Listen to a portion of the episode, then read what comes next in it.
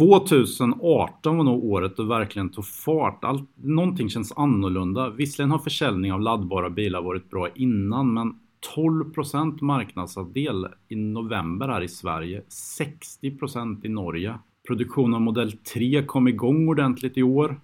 Trots alla diskussioner att de inte skulle lyckas Tesla. Det är ett hav av nyheter om länder, företag, städer som funderar på slutet att förbränningsmotorbilar ska finnas.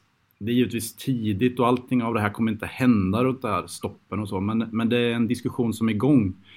Och det är givetvis inte bara personbilar, det är ellastbilar, det är elbussar, elbåtar, elflygplan. Det är el överallt i transportsektorn. Och även den här diskussionen om batteriproduktion blir mer och mer aktuell. Det blir mer och mer planer om hur många batterifabriker vi ska ha. Men samtidigt finns ju den här nackdelen av den här dåliga trenden att utsläppen av växthusgaser ökar igen i världen och transportsektorn antagligen måste minska ännu snabbare än vad vi har pratat om förut. Och i det här havet av nyheter och trender så är frågan vad ett nyhetsbrev som om EV egentligen ska fokusera på hur vi ska jobba.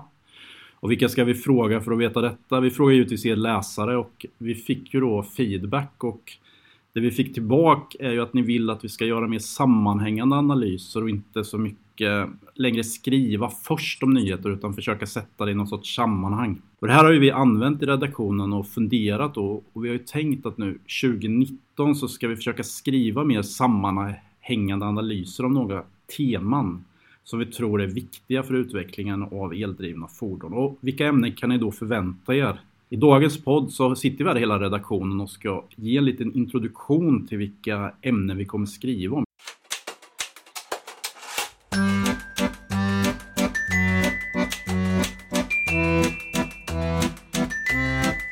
Tjena Jens och Helena! Tjena, tjena! Ja, vilka ämnen kan vi förvänta oss i år egentligen? Eh, vad säger du Jens? Vad har vi på gång? Ja, vi tänkte börja 2019 med att skriva ett gäng fordonsanalyser. Så lite samma spår som du var inne på, det händer mycket. Och personligen så tycker jag att det är svårt att följa med i alla nyheter som flyger förbi. Till exempel att Volkswagen ska satsa X miljarder på elektrifiering eller Volvo lägger ner dieselmotorn. Och jag tycker även att vissa biltillverkare får kanske oproportionerligt mycket av nyhetsflödet och då är det väl framförallt Tesla och Volkswagen som står ut. Så vi planerar att göra en överskådlig mall där vi förhoppningsvis får med de viktigaste aspekterna ehm, så vi kan, man kan jämföra de här företagsanalyserna.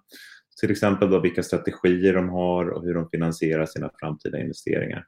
Så målet är alltså att ge en överskådlig bild av var de här tillverkarna befinner sig och deras planer framöver. Ja, och som du sa Magnus, vi kommer ju inte bara fokusera på fordonstillverkarna utan även på eh, batteritillverkarna. Och eh, givetvis så är det ju de kinesiska och koreanska batteritillverkarna som eh, där, där det händer mycket och det har hänt mycket under lång tid. Så vi ska försöka göra en, en djupdykning i de företagen men även då följa vad som händer på andras plan i i världen och eh, mycket kring råvaror i Australien har det varit nu i slutet på 2018. Men också kommer tyskarna nu med uppdaterade planer för cellproduktion i Tyskland. Så det, det händer mycket i omvärlden kring den här frågan och eh, resursåtgång och eh, kanske även kompetensbrist på många ställen. Ja, jag ser verkligen fram emot den här serien. Det ska bli kul liksom att se den kanske lite historiska utvecklingen hos vissa av bilföretagen också, om de har ändrat sig lite under åren. Liksom. Ja, en del företag de ändrar ju inriktning när de byter chef på en viss post eller att det händer någonting i omvärlden så svängs det ganska bra. Och det vore ju kul att se vad har de sagt historiskt sett och vad, eh, vad har de för planer nu? Då blir det extra intressant med Nissan, Mitsubishi och Renault-alliansen. Vad som kommer hända där. Det känns, ja. känns ju riktigt såpoperaktigt.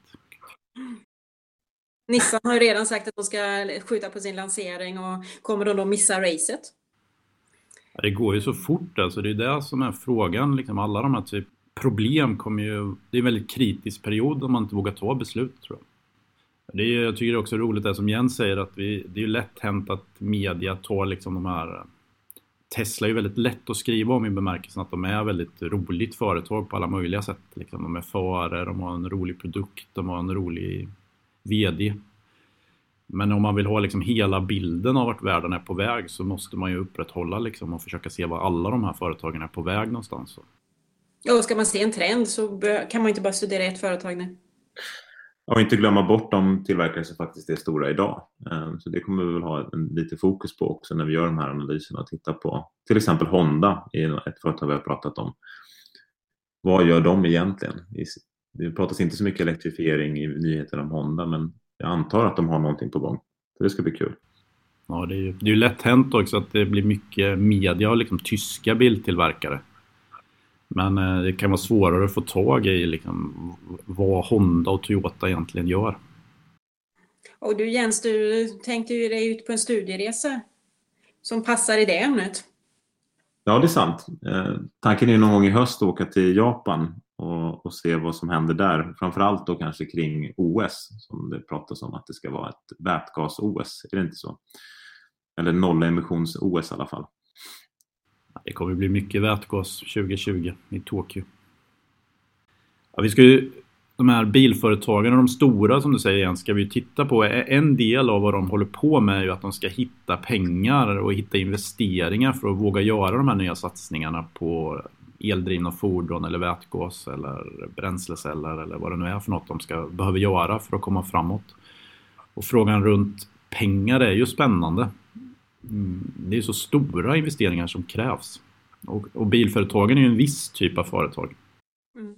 Och det sker en hel del stora investeringar också i de här last mile solutions eh, med elcyklar, elskoter, små godstransporter och eh, eltaxi, eltrottinetter och så vidare. Och det är ju ett område som eh, har fått stor uppmärksamhet i media och stora investeringar har skett. Så där tänker vi också försöka mm, förstå vad är det som pågår och se hur det kopplar till de traditionella personbilstillverkarna. För eh, det har varit en del nyheter där de traditionella går in och börjar nosa på det här området för att öka sitt eh, tänk för att bredda sin eh, tjänst kring elektromobility och mobilitet i stort.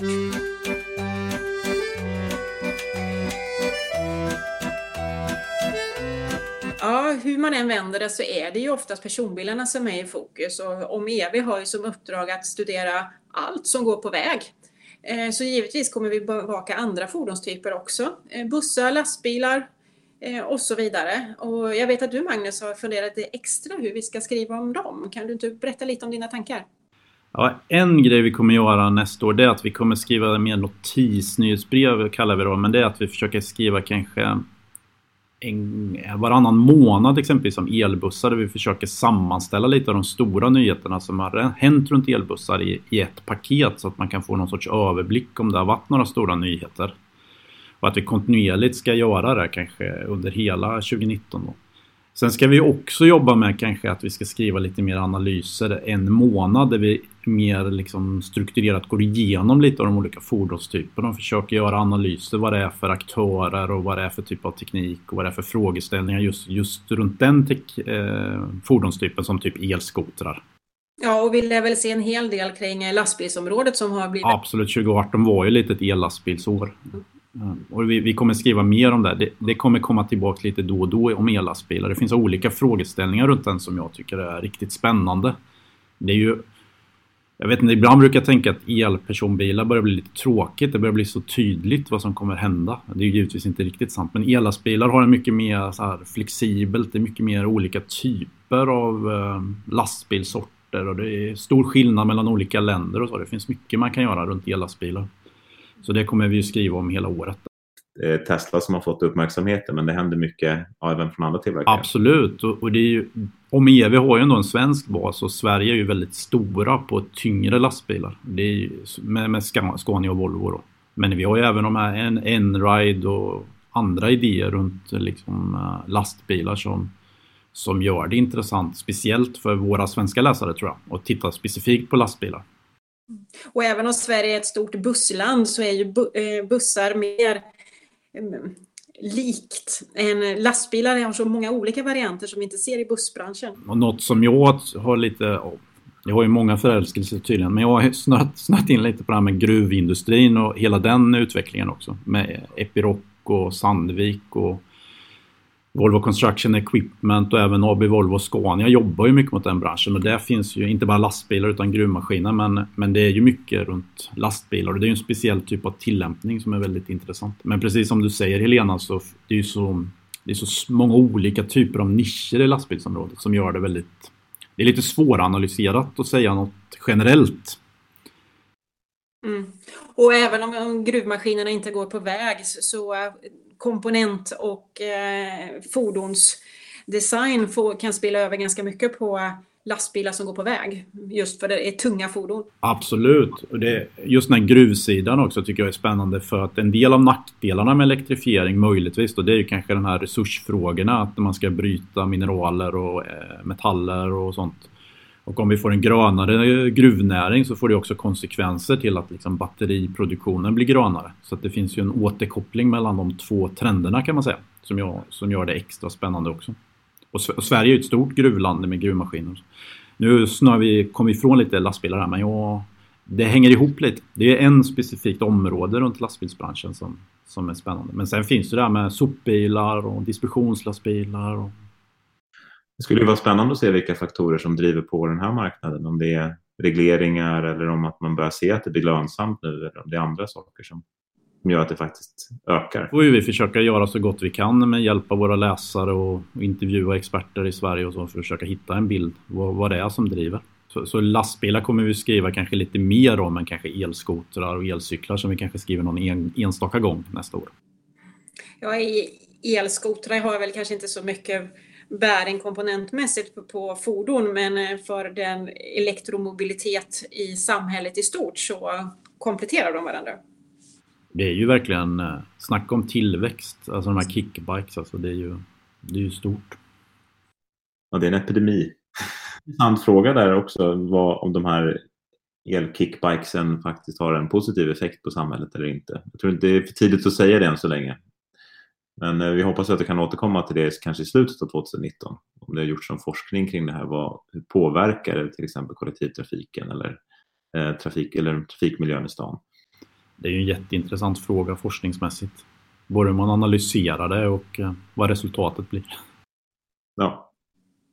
Ja precis, tar man en sån istället för att ta bilen eller tar man en sån istället för att gå? Det, det är två olika aspekter på hela. Ja, och även det här med då olycksrisken. Ja.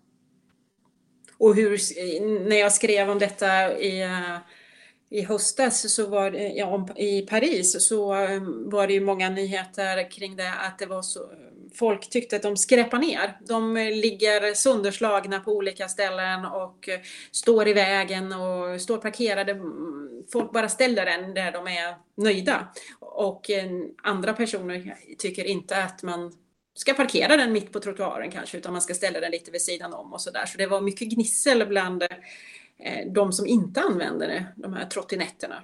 Vi får inte heller glömma leksakerna. Eh, då menar jag radiostyrda fordon. Eh, jag köpte nyligen en drönare och det är nästan ett mirakel hur snabbt det här har gått. Eh, för några tusen kronor bara så får man någonting som kan flyga i 25 minuter och är väldigt, väldigt avancerad. Så jag hoppas kunna göra något nyhetsbrev om radiostyrda fordon under året och förhoppningsvis även med provkörningar, men vi får väl se. Och jag tänkte kanske att du Helena skulle kunna hjälpa till att undersöka hur batteriutvecklingen ser ut för de här typerna av fordon. Är det andra typer av batterier? Vi har, vi har pratat förut om solid state. Jag har för mig att, någon, att det har börjat experimenteras med det i batteri eller i radiostyrda fordon. Ja, kring batterierna där så är det ju en bra testplattform för ny teknologi när man kan då göra mindre celler för att testa, funkar detta då? Att eh, använda det i en drönare till exempel och så vidare. Men eh, jag kan tänka mig att vi kommer se mer och mer återanvända fordonsbatterier i de här fordonen, eh, i de här drönarna och andra leksaker då. Om vi får, ska kalla det leksaker eller inte, det får vi väl se. Men hur kommer ju återvända till återanvändning och återvinning under 2019 för att förstå ännu mer vad som händer. Vad blir de här cellerna av? Och eh, koppla då givetvis till resursutnyttjandet. Och det här resursutnyttjandet tänker vi också ta i lite vidare perspektiv med elmaskiner och bränsleceller också. Så det är inte bara batterierna som har en eh, resursproblematik utan även elmaskinerna.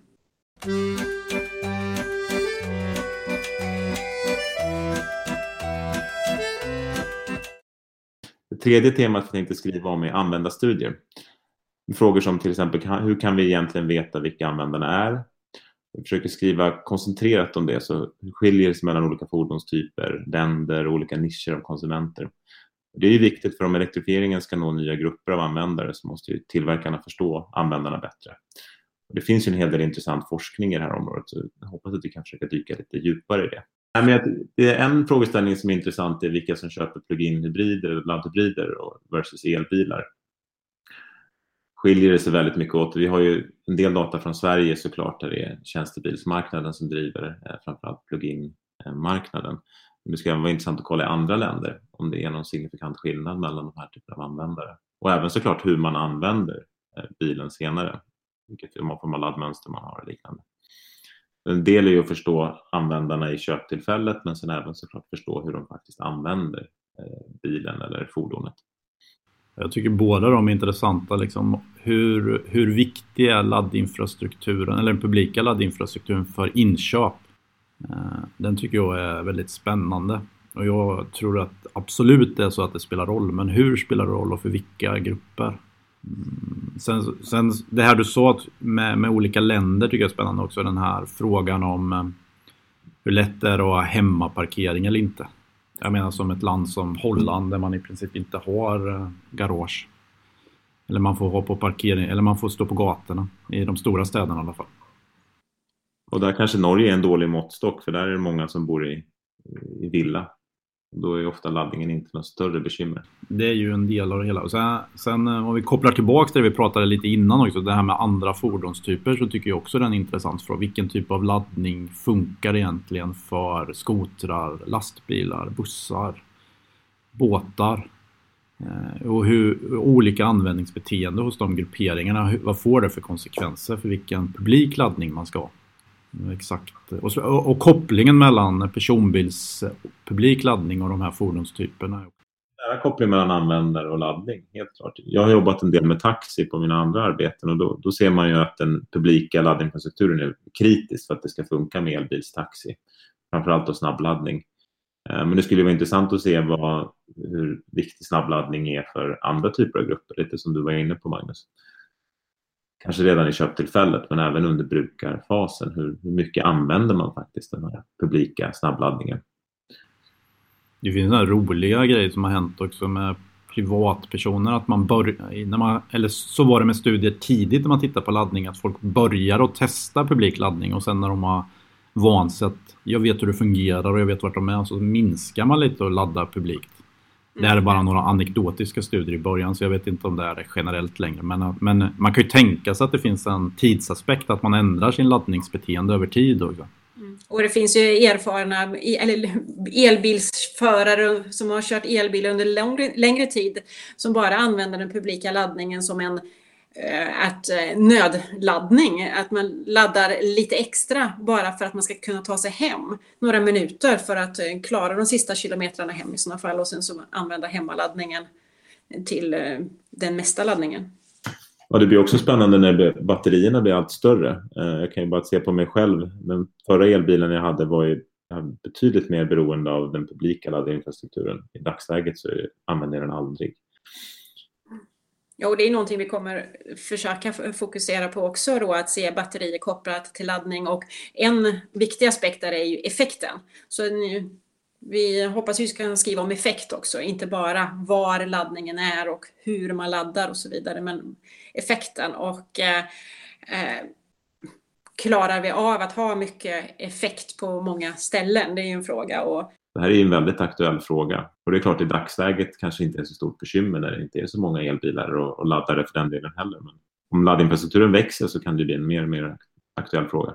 Ja, och särskilt när det finns en annan konkurrerande eh, verksamhet som också vill ha effekt med i, industrin och så vidare. Så att, ja, det här med varierad produktion också med vindkraft gör ju också en del av ja, andra sidan av myntet om man säger, när man har effekt från produktionen. Nej, visst är det ett intressant paket, hela den här balansen av effekt i nätet, både lokalt och regionalt och nationellt och Europanivå. Och det kommer in här med återvinningen av batterier också, Helena. Vi har pratat lite om det eh, tidigare. som att ha, ha batterier på snabbladdningsstationerna. Ja, det, det är ju en vanlig eh, användning av uttjänta fordonsbatterier att just ha dem som ett effektlager vid snabbladdningsstationer. Så att eh, det, det finns en del som pågår i, i England bland annat kring detta och jag tror vi kommer se mer och mer av den den aspekten för att just klara effekten. Man märker ju liksom att laddningsdiskussionen blir mer och mer viktig. Det har man ju hört ända sedan man började skriva om EV att laddning är viktigt. Men jag, men jag tycker verkligen att det blir mer och mer diskussion om det. Och det är kanske också en aspekt av att fler och fler blir intresserade av elbilar och då är ju vart ska jag tanka en, och hur ska jag tanka och hur beter jag mig en fråga som många eh, nybörjare i elbilsområdet ställer sig. Ja, men det är ju den här eh, aspekten att, att köra elbil är ju inte så stor skillnad mot en förbränningsmotorbil när man sitter i bilen. Okej, det låter mindre och det är lite roligare acceleration och det finns mycket fördelar och så, men det är ju ganska lik pryl. Men erfarenheten av laddning är ju annorlunda än att tanka. Det behöver inte betyda att den är sämre eller bättre, den är bara annorlunda. Så det finns ju en sån aspekt på hela den, eh, apropå det vi pratar om användarperspektiv också. Mm. Och jag tror användarna också kommer kräva andra saker på de laddstationer som kommer komma. Idag vet vi om vi åker till macken så är de flesta mackar har öppet väldigt länge, lång tid på dygnet. Man kan gå in och köpa en korv och gå på toa, fylla på någon spolarvätska, köpa en tidning, lite godis. Men eh, det finns ju publika elladdstationer som är totalt öde. Och eh, vågar man åka till en sån eh, ställe eh, för, eh, för att ladda. Givetvis så åker man ju dit för man måste ladda, men, men, vad finns det för risker kring det här och hur, hur kommer infrastrukturen se ut runt infrastrukturen? Det där är spännande för här, när jag jobbat med taxi så var det en förare som sa det att en laddstation är ingen bensinstation och då menar han just det där att eh, till exempel då professionella förare har ju behov att man ska kunna gå på toaletten eller man ska kunna köpa lite mat när man fyller på sin bil. Eh, och det normalt sett finns ju inte då. I, i det här fallet så är det i Stockholm. Det är ett ganska stort bekymmer faktiskt. Och ska man använda den publika laddningen för att åka längre sträckor genom landet så eh, vad, vad, ska man göra? För man behöver fylla sitt batteri och kan man inte då gå på toa eller och så vidare så vad, vad gör man? Det finns ju också frågeställningar runt handikappsanpassning av laddplatser. Och, som är, eller, det finns så mycket perspektiv på detta man kan lägga på publikladdning. Ja. Det, och det är ju... Ja. Det är, det är ett mångdimensionellt problem som är roligt att bevaka. Och det kan väl också hända att vi behöver ta in någon expert på det här? Det, ska vi absolut, det är ju målsättningen att vi ska ta hjälp av alla som kan saker i Sverige och intervjua dem. Och... Där har vi en kontroversiell fråga eh, som jag faktiskt inte vågar uttala mig om själv för jag har inte tillräckligt med information om det. Och det är ju kring det här med hemmaladdning. Ska man ladda i vanligt eluttag eller ska man köpa en laddbox? Som är en ganska het fråga just nu. Och där finns det två sidor av myntet som jag har förstått det. Eh, så det skulle vara en intressant fråga att utreda lite närmare. Gärna då till exempel med någon från Elsäkerhetsverket eller liknande eh, som går ut med de här rekommendationerna att man bör ha en laddbox hemma när man laddar. Mm. Och sen hör vi i nyheterna emellanåt om eh, bränder som har skett i hemmen när man har laddat sin elcykel eller hoverboard och så vidare.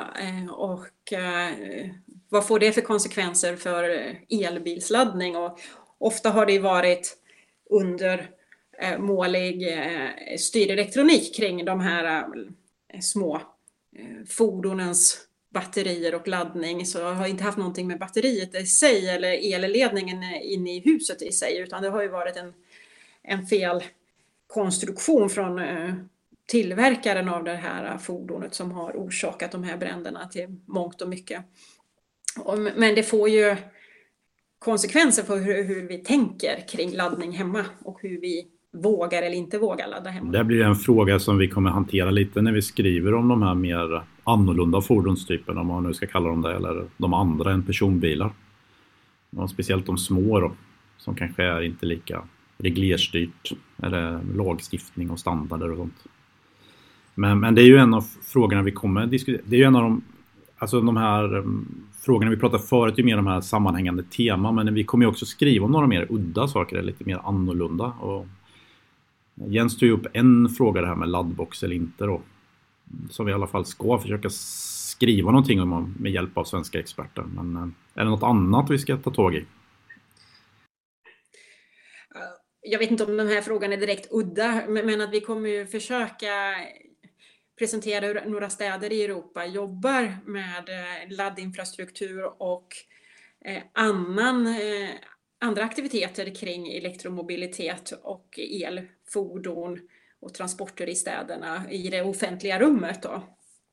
Och kanske jämföra hur, hur de jobbar och se, kunna applicera det på de svenska städerna. Kan vi ta till oss bra saker som sker i, i, ute i Europa? Eh, men det är inte direkt en udda sak, men vi kan ju inte presentera allt vad vi ska göra, så ni får ju också få en liten påse gott och blandat emellanåt, där ni eh, förhoppningsvis hittar några godbitar. En annan fråga som jag kom på nu som jag tycker är intressant är det här med partikelutsläpp i staden som är en väldigt eh, aktuell fråga också. Framförallt när man pratar om dieselbilar. Då är frågan hur elbilar ofta är lite tyngre eh, och kan man tänka sig att det kan bli mer partiklar från bromsar och däck? Eh, men jag vet inte om det är så, men det skulle vara intressant att undersöka. Du får ju ingenting från själva drivlinan men de andra aspekterna kan ju faktiskt påverka också. Själv så om vi tar, ehm, om jag får lägga till en liten udda grej här också, så, eller udda, jag, jag är väldigt nyfiken på hur folk skriver om elbilar. Så jag, jag kommer nog göra lite textanalys om det har skett någon förändring eh, över årens lopp, hur man beskriver elbilar på något sätt. Eh, alltså hur, hur, mycket negativt och positivt skriver man och ändrar man någonting om. Jag, jag, läste en artikel igår faktiskt. Det var någon som hade gjort skillnaden på... De har gjort en analys av alla Twitterflöden av elbilar. Vad folk skriver mest om. Det är en väldigt rolig typ av frågeställning. Den, Twitter är ju lite udda och så. Man får inte in alla åsikter riktigt. Men det är i alla fall en kul typ av försök att hitta vad folkdjupet eh, pratar om. Så, men, men, som sagt vi kan ju inte berätta allt idag. Vi har ju mycket grejer och vi kommer säkert ändra oss lite under årets lopp också. Exakt vilka ämnen vi skriver om. Men, men det ni har hört idag är lite vad vi har tänkt. Och vi, hoppas, vi hoppas ju givetvis att det kommer hända många saker under 2019 som vi inte alls kan förutspå. Som har en positiv effekt på eh, elektromobilitet. Ni har lyssnat på en podd från nyhetsbrevet om EV som är finansierat av Energimyndigheten och värdar i Swedish Electromobility Center. Musiken som ni har hört är från bandet Vintergatan och tack Jens och Helena för att ni var med idag. Tack så mycket. Gott nytt år. Ja, gott nytt år från alla oss på redaktionen och mitt namn är Magnus Karlström. Hej då.